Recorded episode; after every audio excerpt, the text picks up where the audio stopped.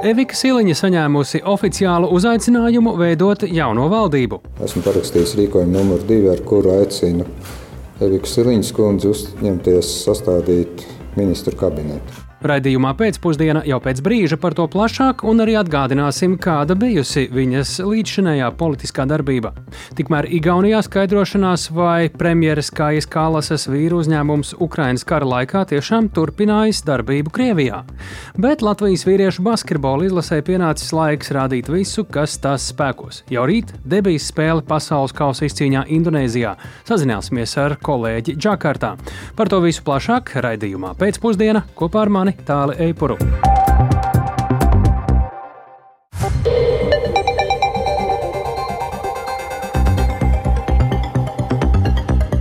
Pūkstens rāda 16 un 5 minūtes. Skan pēcpusdienas ziņu programma, skaidrojot šodienas svarīgus notikumus. Studijā Tālis Eipurs. Labdien! Šodien spērts solis tuvāk vēsturiskam faktam. Pirmo reizi visu triju Baltijas valstu valdības vienlaikus varētu vadīt sievietes. Valsts prezidents Edgars Rinkēvičs šodien premjeramatam nominējis Eviku Siliņu no jaunās vienotības. Līdz ar to viņa jau rīt sāks sarunas ar četriem potenciālajiem koalīcijas partneriem. Viņas mērķis ir valdību izveidot līdz septembra vidum. Vairāk klausāmies Jāņa Kīņča ierakstā. Esmu parakstījis rīkojumu numuru divi, ar kuru aicinu Eviku Siliņas kundzi uzņemties sastādīt ministru kabinetu. Valsts prezidents Edgars Rinkēvičs premjeramatam nominēja vienīgo tam izvirzīto kandidāti, pašreizējo labklājības ministri Eviku Siliņu no jaunās vienotības. Rinkēvičs pauda pārliecību, ka Siliņa spēs sarunas par koalīcijas izveidi īstenot pietiekami īsā laikā. Neformālās konsultācijās viņš guvis pārliecību, ka Siliņai ir saimas vairākuma atbalsts un labas iespējas izveidot iespējami plašāku koalīciju un gūt jaunās valdības izveidai nepieciešamo atbalstu parlamentā. Uh, pauda apņēmību strādāt pie tā, lai mūsu valsts attīstības mērķi gan ekonomikā, gan izglītībā, gan drošības stiprināšana būtu maksimāli tuvi arī tam, par ko mēs esam runājuši konsultācijās. Tāpēc es vēlētos šobrīd novēlēt veiksmi Siliņas kundzei. Tas nav viegls darbs, tas ir diezgan sarežģīts, bet eh, ļoti gribu cerēt, ka līdz septembra vidum arī šis uzdevums sastādīt valdība tiks izpildīts. Evika Siliņa savukārt uzsvēra, ka šajā procesā viens no atskaites elementiem ir arī valsts prezidenta nosauktais mērķis līdz 2030. gadam Latvijā panākt vidējo Eiropas Savienības valstu labklājības līmeni. Lai uz to virzītos, būtiska loma ir uzlabojumiem izglītībā, ekonomikā, valsts drošības stiprināšanā un citos jautājumos. Lai runātu par sadarbību, premjera amata kandidāti piekdien uz divpusējām sarunām aicinās Zaļo un Zemnieku savienības, apvienotā saraksta Nacionālās apvienības un progresīvo pārstāvjus. Pēc tam sarunas jau notiks plašākā lokā. Pēc šīm sarunām viņi ļaus potenciālajiem koalīcijas partneriem iekšēji izlemt tālāko rīcību, tāpēc piekdien vēl paziņojumi par ticamāko sadarbības modeli vēl nav gaidāmi. Pašlaik Siliņa atzīst, ka iespējami divi četru politisko spēku virknējumi - jaunā vienotība ar Zaļo Zemnieku savienību, apvienoto sarakstu un vai nu Nacionālo apvienību vai progresīvajiem, taču iespējami arī kompaktāki varianti. Siliņa pauda pārliecību, ka nav laika un arī nepieciešamības sarunu procesu vilkt garumā.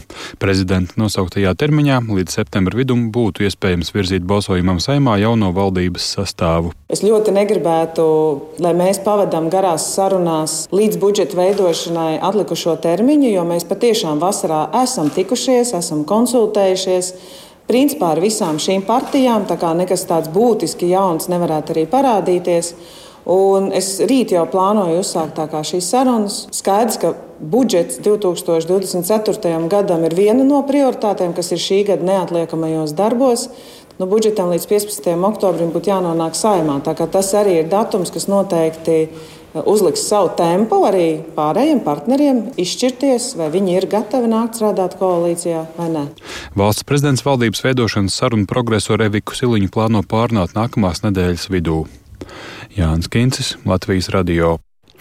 Bet ņemot vērā, ka Evika Sieliņa līdz kļūšanai par labklājības ministri nebija starp jaunās vienotības redzamākajiem, publiski redzamākajiem politiķiem, par kādiem var saukt, piemēram, Krišjānu Kariņu, Arvi Lašarādenu vai Aināru Latkovski, piedāvājam īsu atgādinājumu par viņu nu jau, viņas nu jau vairāk nekā desmit gadus ilgo politisko karjeru. Tātad viņa nebūtu nav jaunpienācēja. Klausāmies Zānes Eniņas ierakstā.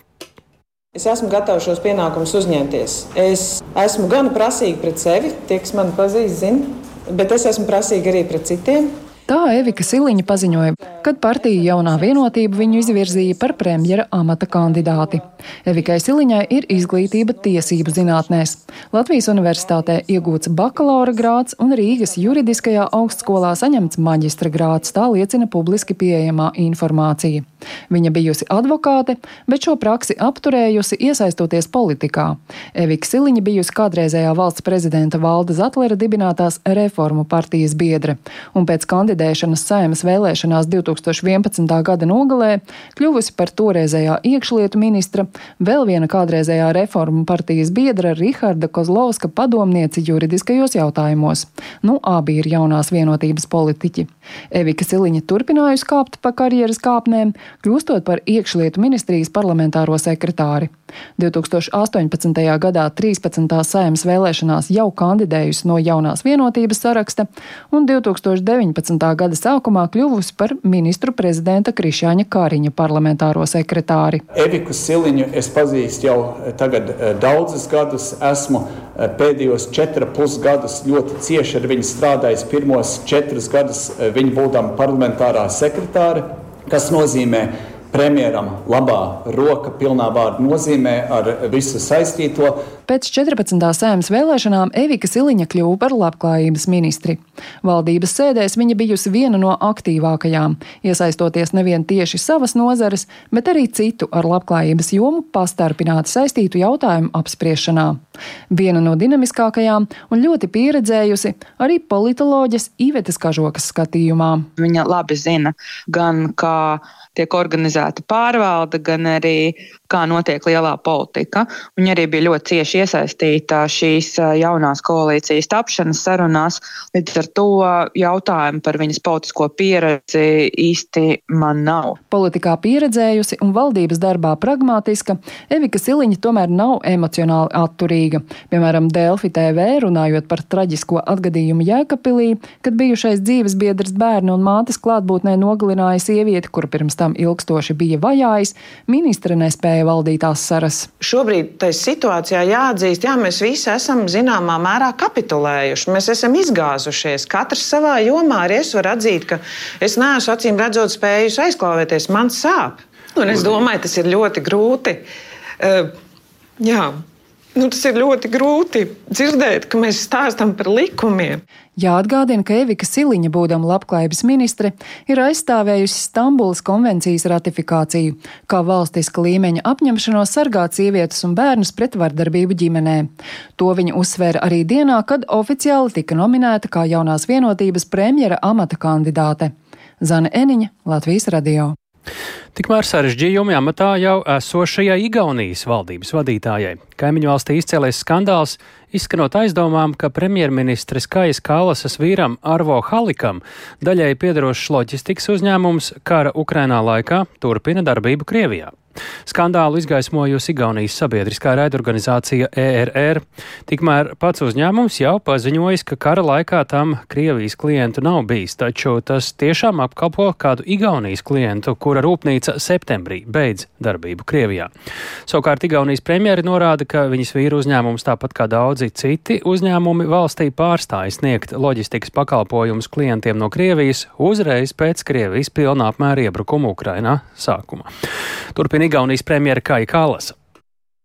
Te võite neid küsimusi küsida äh, minu abikaasa ettevõttelt. Es nenodarbojos ja... ar šo uzņēmēju darbību. Varbūt jums tiešām nav ne jausmas, bet premjera darbs ir diezgan noslogots. Nevaru vadīt arī uzņēmumu no malas. Mana vīra uzņēmumos nenotiek nekāda samorālas darbības. Par to es esmu pilnīgi pārliecināta. Vēlreiz, man nav saistības ar vīra biznesu. Kad žurnālisti uzdeva šos jautājumus, es tos pāradresēju arī savam vīram. Viņš man rādīja dokumentus, no kuriem izriet, šķiet, ka uzņēmums ved uz Krieviju klienta preces, kas tur slēdz savu rūpnīcu. Detalizētākas informācijas saņemšanai jums jārunā ar manu vīru. Protams, ir daži konfidencialitātes līgumi par to, cik daudz informācijas viņš var atklāt. Taču sniegtā informācija deva man pārliecību, ka viņš nav bijis iesaistīts darbībās, par kurām saņem pārmetumus no mēdījiem. Viņa uzņēmums nenodarbojas ar biznesu Krievijā. Es redzēju šos dokumentus un domāju, ka uzņēmums tos publicēs tik līdz saņems klienta piekrišanu. Bet es atkārtoju, esmu aizņemta ar premjerministres darbu, nenodarbojos ar šo biznesu un zinu, ka manam vīram nav klientu no Krievijas federācijas, un es neesmu atbildīga par uzņēmuma darbību. On need andmed, aga las nad ise vastavad. Tā Igaunijas premjerministre Kaja Kalasa komentējot viņas vīram daļai piedarošu uzņēmuma iespējamās darbības Krievijā. Igaunijas prezidents Alers Karis jau paziņojis, ka sagaida detalizētāku premjeras skaidrojumu. Pēc konsultēšanās ar padomniekiem un apdomāšanās viņš lems par tālāko rīcību. Tikmēr starptautisko mediju uzmanības lokā joprojām Krievijā notikusi avio katastrofa, kurā nogāzās Wagner grupējuma līderim Jevgeņijam Prigožinam piedarošā privātā lidmašīna. Par notikušo joprojām izskan dažādas versijas. Jāsaka gan, ka Krievijas oficiālā vadība aizvien klusē un propagandas medijos šo notikumu piemin vien garām ejot. Šobrīd esam sazinājušies ar kolēģi Rihardu Plūmi. Sveiks, Riharda! Kāda tad ir jaunākā informācija, kas ir zinām par Prigožina privātās lidmašīnas avāriju? Jā, labdien! Nu, Nevarētu teikt, ka būtu ļoti daudz jaunas informācijas, kas būtu nākusi klāt kopš vakardienas, lai gan joprojām, kā tu minēji, ir dažādas spekulācijas. Bet nu, izskatās, ka Prigožins patiešām varētu būt bijis šajā lidmašīnā un tiešām arī gājis bojā, tas kļūst arvien ticamāks. Un Krievijas amatpersonas norāda, ka privātajā lidmašīnā atradās kopumā septiņi pasažieri un trīs apkalpes locekļi. Visi ir gājuši bojā, tās arī norāda, ka starp pasažieriem bijis gan Prigožins, gan viņa labā roka Dmitrijs Utkins. Arī ar Wagner saistīta avot ziņo, ka Prigožins ir miris. Ar grupējumu Wagner saistīts kara reportieris Romāns Saponkovs ir uzsvēris, ka grupējuma priekšnieks ir noslapkavots, piebilstot, ka Prigožina nogalināšanai būs katastrofālas sekas. Viņa prāt cilvēki, kuri ir devuši šādu pavēli, pilnībā nesaprotot armijā valdošo noskaņojumu un morāli. Joprojām ir spekulācijas par to tieši kurš lidmašīnu nogāzis un tieši kā. Protams, ka visbiežāk tiek piesaugs Vladimira Putina vārds, proti, ka pavēli ir devis viņš. Un daudzi arī paredzēja, ka Prigožina mūžs pēc eh, šī te dumpja īstenošanas nebūs ilgs, un Putins agri vai vēlu tomēr eh, vēlēsies no Prigožina atbrīvoties. Eh, lūk, kādu viedokli ir paudis militārais analītiķis Šons Bels. Putin has got a track record of when these things happen, whether it's poisonings, whether it's people falling out of buildings. Putinam ir šis rokraksts runājot par tādām lietām kā indēšanas vai cilvēku izkrišana ārā pa logu aizdomīgos apstākļos, un Putins par šīm lietām nepiedāvā nekādus skaidrojumus. Šī ir viena no tām reizēm, kad Putins varbūt deva, varbūt arī nedeva tiešu pavēli, tomēr tos punktus šeit var savilkt. Šis bija cilvēks, kurš Putinu nodeva, kurš bija Putina draugs, viņi kopā pelnīja bagātības, bet tad notika šis gājiens uz Maskavu. Un tas nav kaut kas tāds, kas tiks piedots, un vienīgais pārsteigums ir, kāpēc tas prasīja tik ilgu laiku. Jā, nu, apvienotās karalistes aizsardzības nozares avoti, piemēram, ziņo, ka Prigožina lidmašīnai visticamāk eh, uzbrucis eh, Krievijas federālais drošības dienests, jeb FSB. Ir izskanējušas arī versijas, ka lidmašīnā ievietotas sprākstvielas. Eh, viena no lidmašīnas stjortēm arī pirms izlidošanas telefona zvanā ir stāstījusi par neierastu un īsu remontu, kurā lidmašīna atradusies pirms izlidošanas.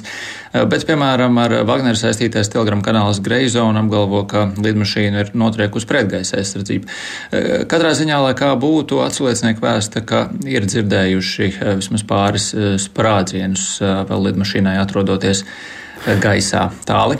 Jā, šeit daudz gaida kaut kādas izpausmes no oficiālās Maskavas, kādu reakciju, ko līdz šim mēs redzam no amatpersonām, to pārstāvjiem, kaut kādas publiskas izteikšanās vai nelielas pieminēšanas.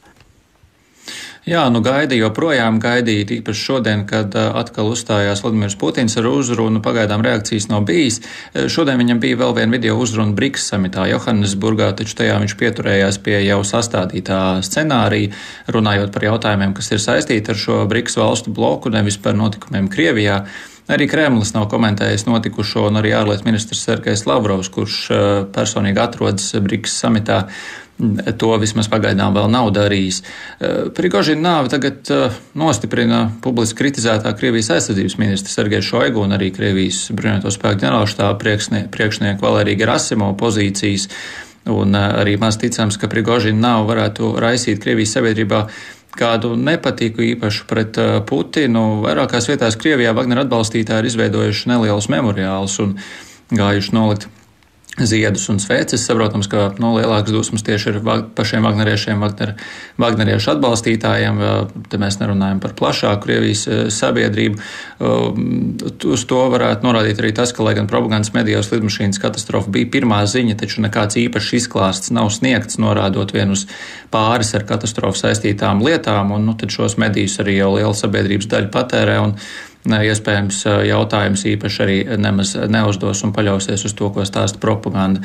Noslēgumā vēl var piebilst to, ka Ukrainas prezidents Valdemirs Zelenskis ir izteicies, ka Ukrainai nav nekāda sakara ar notikušo lidmaš, no, nokritušo lidmašīnu Krievijā, un viņš teica, ka tad, kad Ukraina prasījusi rietumiem palīdzēt ar lidmašīnām, viņš nesot domājis šādu palīdzību, bet tas kaut kādā mērā noteikti palīdzēšot Ukrainai. Tā viņš ir šodien izteicies sakarā ar notikumiem vakar Krievijā. Tāli. Nu, to mēs tūdaļ mēģināsim arī precizēt. Tik tālu sakām paldies Rihardām Plūmēm, tik tālu jaunākās ziņas par Krievijas algotņu grupējumu līdera Prigožina lidmašīnas avāriju, bet ko eh, Prigožina nāve tiešākā vai netiešākā veidā varētu tad nozīmēt attiecībā uz Krievijas īstenoto agresiju Ukrainā. Pie mūsu klausulas eh, Nacionālā bruņoto spēku bijušais komandieris Raimons Graube. Labdien! Labdien! Vai Var teikt, ka ar šo avio katastrofu vienalga, vai tā ir plānota vai nejauša, diemžēl nu, nostiprinās tāda diktatora, agresora Putina iniciatīva, varas vertikāli, kas savukārt nu, nešķiet tāda pārāk laba ziņa Ukrainai, ja Krievija ir um, monolīta un spēja darboties. Vai arī varbūt tieši otrādi par tādu vienu līderi, kas kaujas laukā spēja kaut ko paveikt, uh, Krievijai šoreiz uh, ir mazāk. Kādi tad Prigožina bojā ejai redzami plusi vai mīnusi varētu būt Ukrainas kontekstā? Mm, jā, laikam tieši ar to jāsāk, ka principā šie divi jautājumi, Ukraina un Krievijas iekšējā problemātika, Prigožina tādā sakarā ir jānodala. Tie varētu būt uh, nu, diezgan pretrunīgi vai, vai, vai tādi problemātisks joms priekš Krievijas vienai vai otrai virzienā. Un proti, paša Prigožina nāve, tas, protams, nu, kā jau viss to saka, un arī, arī es daudzās intervijās esmu teicis, esmu, tas vairs ne jautājums vai, bet jautājums, kad un kādā veidā. Man, teiksim, varbūt nedaudz pārsteidza veids, kādā veidā viņa nāve tika panākta, notriecot lidmašīnu, kas ir diezgan nu, viegli, nu, teiksim tā, atklājām izmeklēšanā, kas notriec, kāpēc notriec, vai tā bija kļūda, izrādīsies vēlāk, ja tehniski, kā, kas laikam būtu visdrīzākā versija, tehniska kļūda. Bet tad bija neprecīzs ķirurģisks grieziens ne tikai par Prigaužanu, bet arī divi vietnieki bija. Respektīvi, es domāju, šeit mafijas saimnieks Putins uh, savā kamerā uh, parādīja, kurš ir vecākais un, un, un ka tādas lietas nepiedod.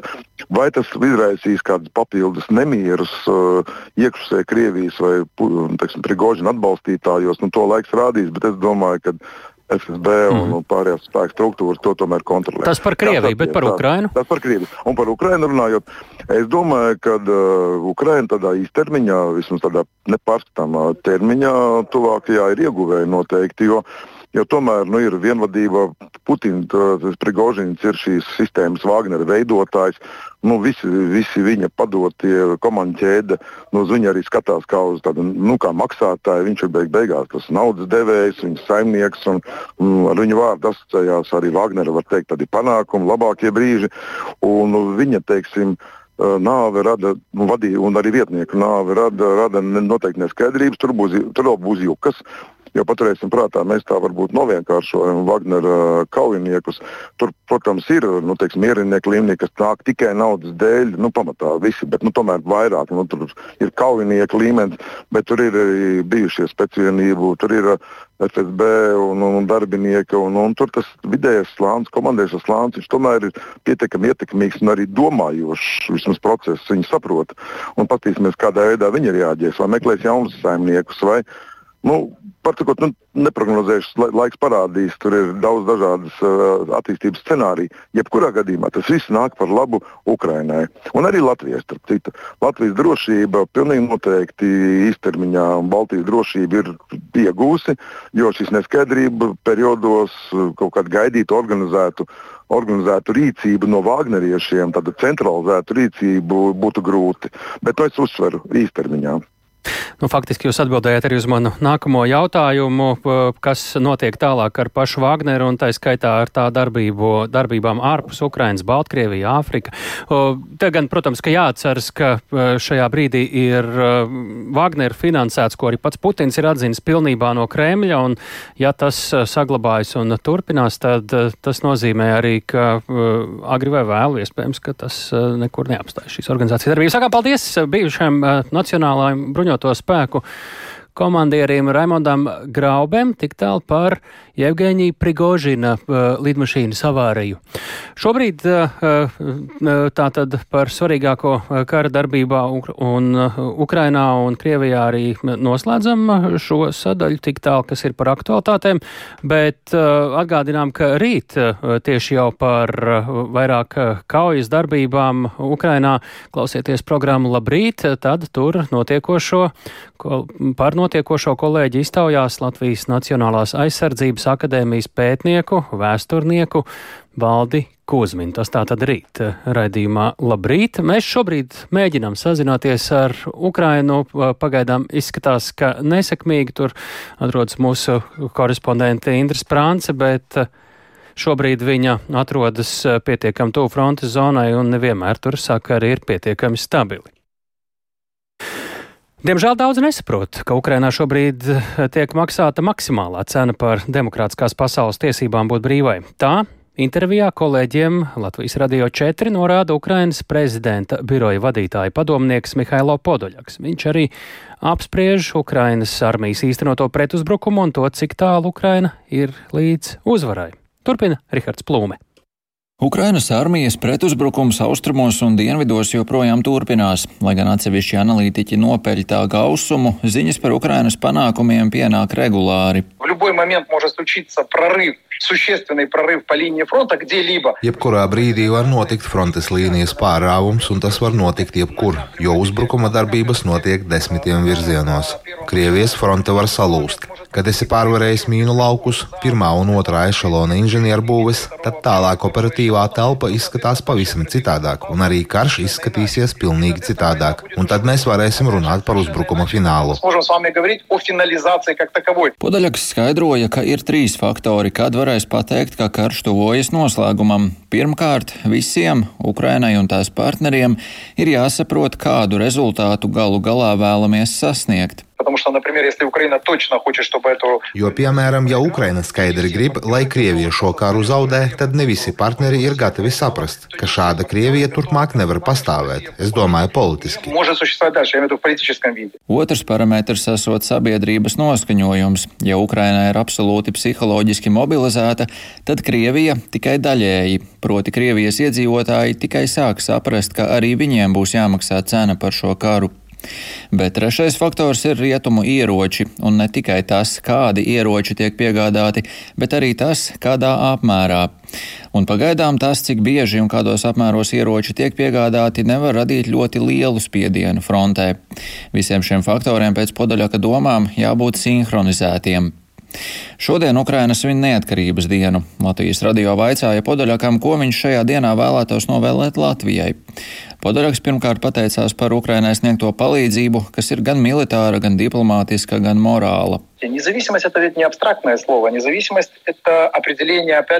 Neatkarība nav abstrakts vārds, tā ir definīcija tam, kas tu esi un uz ko tu esi gatavs, lai paliktu tāds, kāds tu esi. Tas vienmēr ir grūti. Grūti, jo vieglāk vienmēr ir iet uz kādiem kompromisiem, vienošanām, krist ceļos stiprākā priekšā, pieņemt viņa noteikumus un zaudēt savu identitāti. Otrais gads, kurā Ukrainas neatkarības dienu atzīmējam kara laikā, runā par to, ka zinām, kas mēs esam, kas ir Ukraiņi, kāpēc mēs vienmēr eksistēsim kā cilvēces daļa un maksājam par to lielu cenu. Ukraina šobrīd maksā maksimālu cenu par demokrātiskās pasaules tiesībām būt brīvai. Podrāks pauda nožēlu par to, ka ne visi saprot, par ko cīnās Ukraina. Viņa prāt, daudzi domā, ka kaut kur tālu prom norisinās kāds postpadomju republiku nenoregulēto attiecību karš. Taču patiesībā tas ir karš par tiesībām būt tādam, kāds tu vēlies būt. Tikmēr otrā pusē atrodas parasta klasiska nacistiska impērija, kas atnākusi kādu nospiest uz ceļiem. Rihards Plūme, Andrejs Huturovs, Latvijas radio. Šodien, otro gadu pēc kārtas, Ukraina savas valsts neatkarības dienu aizvada vispārēja iebrukuma apstākļos. Kāda šobrīd ir situācija frontes pievārtē Zaporīžas apgabalā? Vaicāsim Latvijas radio korespondentē Indrai Sprancē, viņa šobrīd atrodas tieši Zaporīžā. Sveiki, Indra, kāda situācija šobrīd ir pilsētā? Labdien, jā, neatkarības diena šeit Zaparīžā sākās un turpinās ļoti nemierīgi. Naktī vairāk kārtīgi bija brīdinājumi par iespējamu raķešu uzbrukumu Zaparīžai un apgabalam, un arī pa dienu ir bijušas nu jau vairākas gaisa, gaisa trauksmes, un arī tagad tāda turpinās.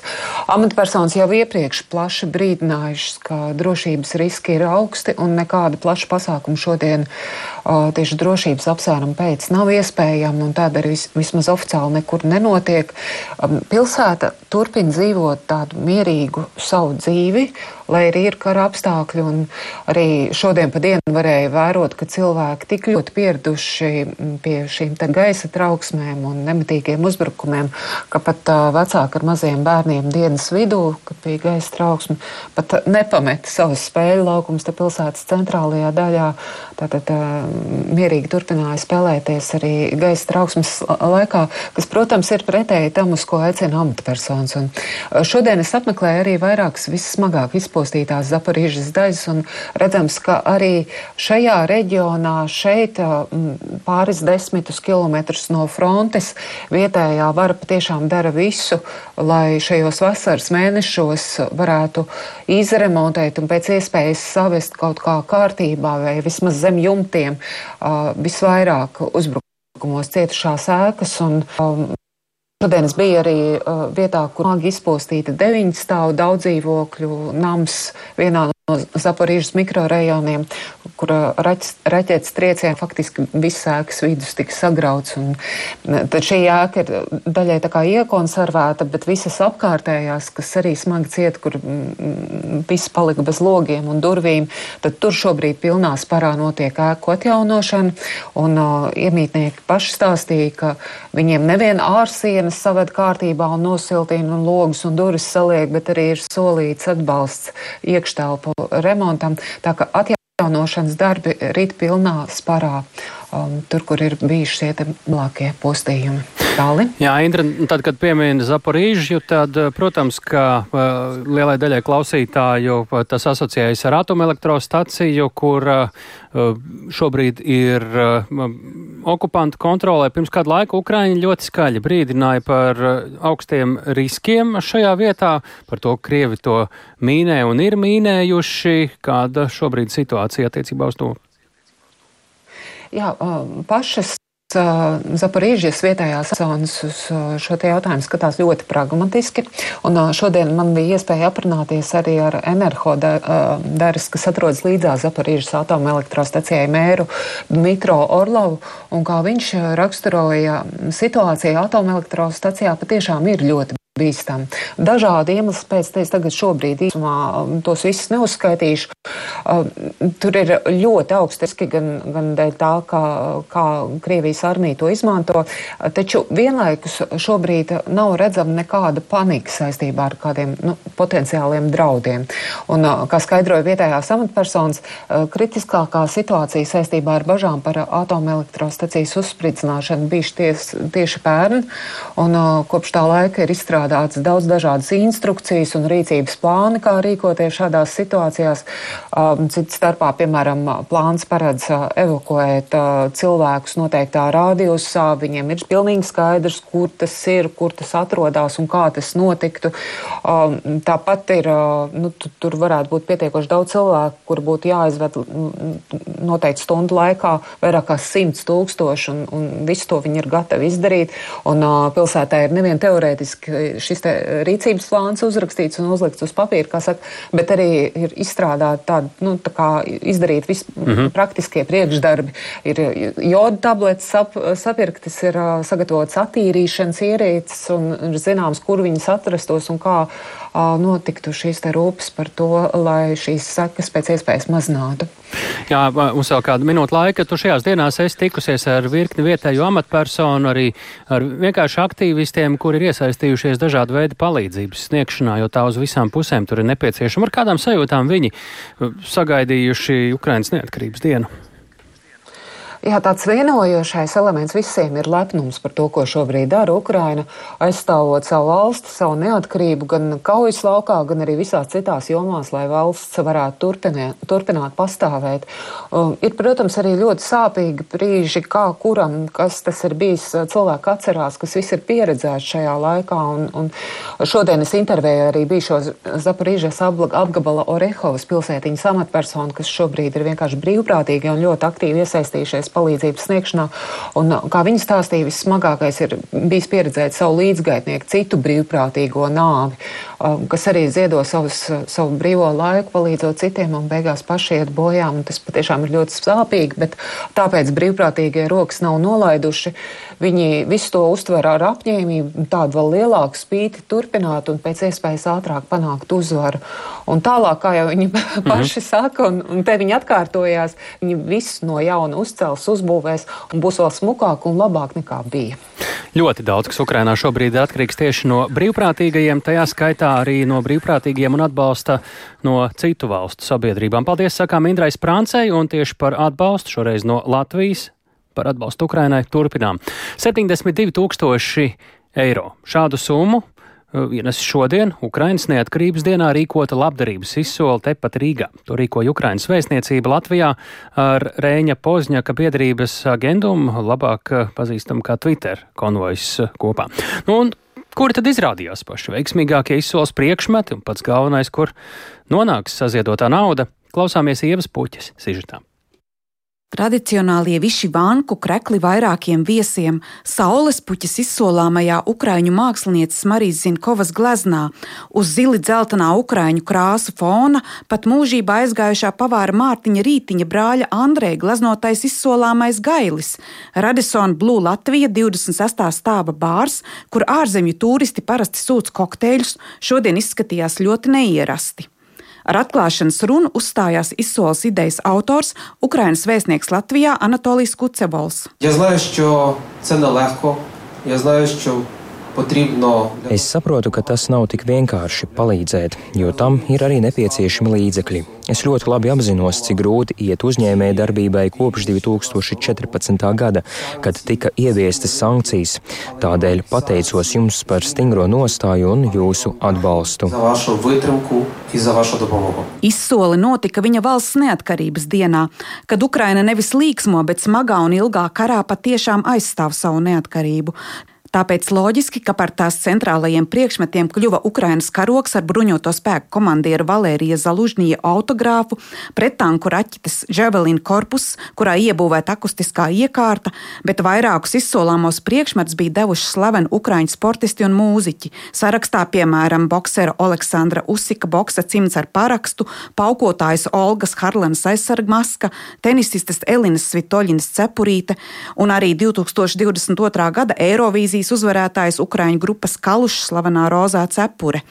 Bet izsolīti tika arī Latvijas grupas prāta vētra grāmata un vinila plate, Mārtiņa Rītiņa vīnas kapis ar ekskluzīvu dzērienu kolekciju.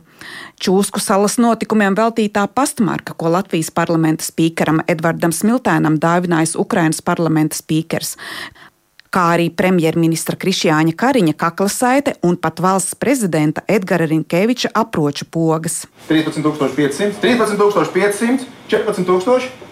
14,000, jā, 14,500, 14,500, 14,000 paliek, 14,000 numurs 14. Es jūs apsveicu!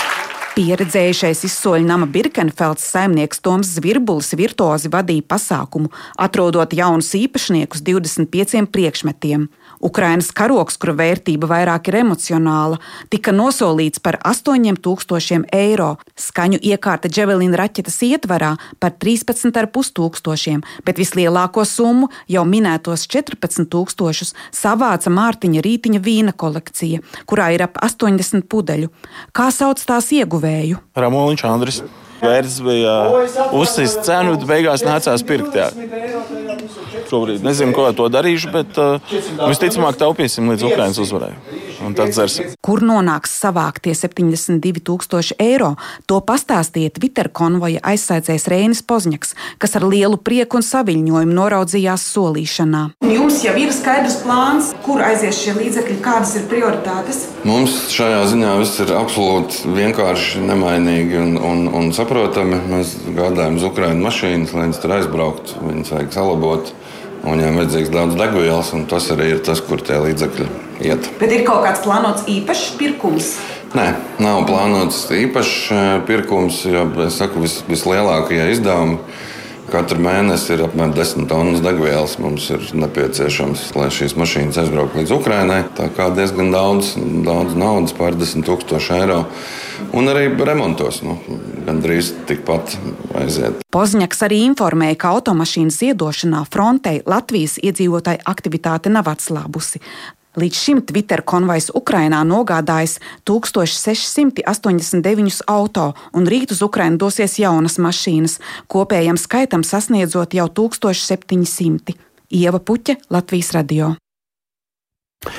Latvijas vīriešu basketbola izlasē ir pienācis laiks radīt visu, kas pēdējā mēneša laikā sagatavots treniņu nometnē un pārbaudas spēlēs. Jau rīt pusdienlaikā pēc Latvijas laika. Latvijas izlase aizvadīs savu debijas spēli pasaules kausa izcīņā, un tā būs pret Libānu. Kā mums no Indonēzijas galvaspilsētas Džakartas ziņo kolēģis Mārs Bērks, Latvijas basketbolisti šodien ir iemēģinājuši spēļu arēnu. Un te nu jāsaka tā, sveiks Māri, tiešraidē, kur tu šobrīd atrodies un kā tad Latvijas izlase ir ieradusies Džakartā un iejutušies arī kā puiši spēļu arēnā. Uh, sveiks, tālāk, sveicināti arī klausītāji no tālākas Džakartas. Uh, Latvijas basketbolisti šeit ieradās jau vakar pusdienlaikā pēc vietējā laika un iekārtojās savā viesnīcā, kas ir burtiski turpat pie spēļu arēnas. Tā atrodas dažu minūšu attālumā. Visas astoņas Indonēzijā esošās izlases dzīvo šajā vienā viesnīcā, un pagaidām vismaz Latvijas spēlētāji ir apmierināti ar apstākļiem, ar ēdināšanu un visu tā, to, kas viņiem tur ir pieejams. Šodien spēlētāji, tātad, jā, kā jau teicu, izmēģināja jauno Džakartas arēnu, kas būtībā ir pilnībā no jauna uzbūvēta, un vēl pavasarī tur notika dažādi labiekārtošanas darbi. Pasaules kausa vajadzībām tur viss ir ļoti ērti, jo vienā ēkā atrodas gan treniņu, gan arī spēļu laukums, līdz ar to komandām nav jāpavada daudz laika ceļā. Un mūsējie šodien trenējās lielajā spēļu laukumā, aprada ar gaismām, telpu un visām pārējām niansēm. Um, atceramies, ka Latvijas izlase Āzijā jau ir nedēļa, un tad aizvadīja divas pārbaudas spēles Taivānā, un viņi arī ir pietiekami aklimatizējuši ieradušies šeit. Šodien treniņā gan neiztika bez problēmām, proti bija zināmas problēmas ar gaisa kondicionēšanas iekārtām arēnā, kas šajā karstajā un patiešām ārkārtīgi mitrajā klimatā ir svarīgas, bet nu, uz treniņa beigām tas jau bija sakārtots. Kā tad arēnā jutās viens no Latvijas izlases centriem Andrzejs Pācišņīgs, to klausāmies turpinājumā. Šodien sanāca 11 stundas nogulēt, jo priekšā naktī negulējām. Nu, sanāca vēl spēle, tad no rīta jāmostās un 5,5 stundas jālido. Tāpēc īsti neizgulējāmies, bet atlidojām. Tagad ietestējām jaunu arēnu. Sākumā likās nežēlīgi karsts, bet beigās salaboja kondicionieru un bija šis atdzesēja to zāli, jo bija neiespēj, nebija iespējams elpot. Kopumā viss ir. Varbūt tas dizains nestāsta, ka viņi būtu tikko uzcelti, bet tieši pats laukums un pati arēna un tas viss ir ļoti, ļoti augstā līmenī, gan grozs, gan, gan, gan, gan parkets. Viss top līmenī un nav par ko sūdzēties. Tālūk Latvijas izlases garākais spēlētājs Andrzejs Pārsišņiks Tāli. Jā, Māri, mēs zinām, ka uz Indonēziju ir devušies, eh, protams, ne tikai latviešu basketbolisti, žurnālisti kā tu, bet arī Latvijas eh, izlases līdzjutēji. Izdevies ir viņus jau kaut kur manīt, satikt. Eh, parasti nu, mēs esam pieraduši pie hokeja līdzjutējiem, kur ir gan redzami. Nu, pagaidām man latviešu līdzekļus ir izdevies satikt tikai lidmašīnās pa ceļam uz Džakartu. Uh, iespējas šeit nokļūt bija dažādas. Bija tūroperatori piedāvājumi ar veselām ceļojumu pakām, taču zināms, ka ļoti daudz līdzekļu paši ir plānojuši ceļojumus, un tad, tad iespējas, kā atlidot uz šejienu, ir ļoti daudz. Daudz lido ar pārsēšanos Stambulā, kā es lidoju, tāpat um, daudz lidoja, zinu, kolēģi caur Dubaju, caur Dohu, Amsterdamu. Tātad Latvijas līdzekļi šeit pamazām ierodas. Um, teiksim, šis viss komplekss, kur atrodas arēna, tas ir tāds milzīgs komplekss. Tur arī ir stadions un dažādi citi sporta veidi, ārā laukumi, un apkārt ir arī ļoti daudz viesnīcu. Tāpēc es absolūti nebrīnītos, ka latviešu līdzekļi ir daudzās no šajām viesnīcām. Ir arī Sauņa viesnīcā, kurā es palieku, bet eh, šobrīd pagaidām latviešu līdzekļus uz ielas redzēt man nav izdevies tāli. Jā, nu, kāda ir tava vērojuma, vai tad pašiem spēlētājiem pēc ierašanās spēļu arēnā tās acis ir, ja, ja tā var teikt, iedegušās pa īstam un nu jau ir tās īstās pasaules čempionāta noskaņas sajūtams? Jā, nu pilnīgi noteikti spēlētājiem ir redzama tāda papildus enerģija, pacelājums, jo tagad jau viss sākas pa īstam. Viss šis mēnesis, kas tika strādāts treniņu nometnē, un viss tas darbs, kas tika ieguldīts vēl pirms oficiālās treniņu nometnes vasaras pirmajā daļā, nu tagad tas viss materializēsies laukumā un tajās lielajās gaidītajās spēlēs.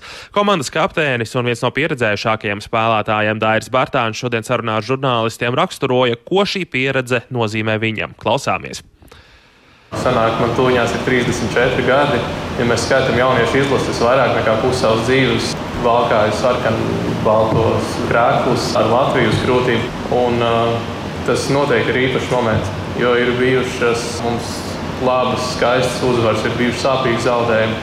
Un pēc visa tā, kam ir iet cauri, tagad būt šeit un, un uh, spēlēt pasaules kausā, tas tiešām ir uh, tāds uh, piepildījums, ir piepildījums sajūta.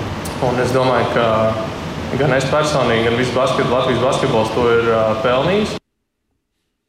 Tā pirms turnīra sāka Latvijas izlases kapteinis Dairis Bārtāns. Nu, un vēl noslēgumā īsumā par svarīgāko Latvijas-Libānas spēli rīt, paredzēti jau nedaudz pēc 12. dienā pēc Latvijas laika tāli. Jā, un tad eh, par visu jaunāko un svarīgāko klausāmies Latvijas radio ziņu dienesta eh, pārraidēs un uh, sociālajos tīklos. Jaunākā informācija pavisam noteikti būs arī no Mārberga, ar kur tikko sazinājāmies tur otra pus ekvatora, Džakartā, tuvākajās nedēļās nereiz vien. Šis bija ziņu raidījums pēcpusdiena, to veidoja Tāls Eipurs, Ilza Aginta, arī Krišjāns. Stikāns, Kristaps Runģis. Ja vēlties šo pārraidi noklausīties sev vēlamā un ērtā laikā, to var darīt Latvijas radio mobilajā lietotnē, meklējot dienas ziņas. Un ne tikai paši varat klausīties, varat padalīties arī ar citiem, arī dažādās raidierakstu platformās. Mēs tiekamies redzījumā pēcpusdienā jau citās dienās, kā vienmēr pēc ziņām 4 un 5. Yeah.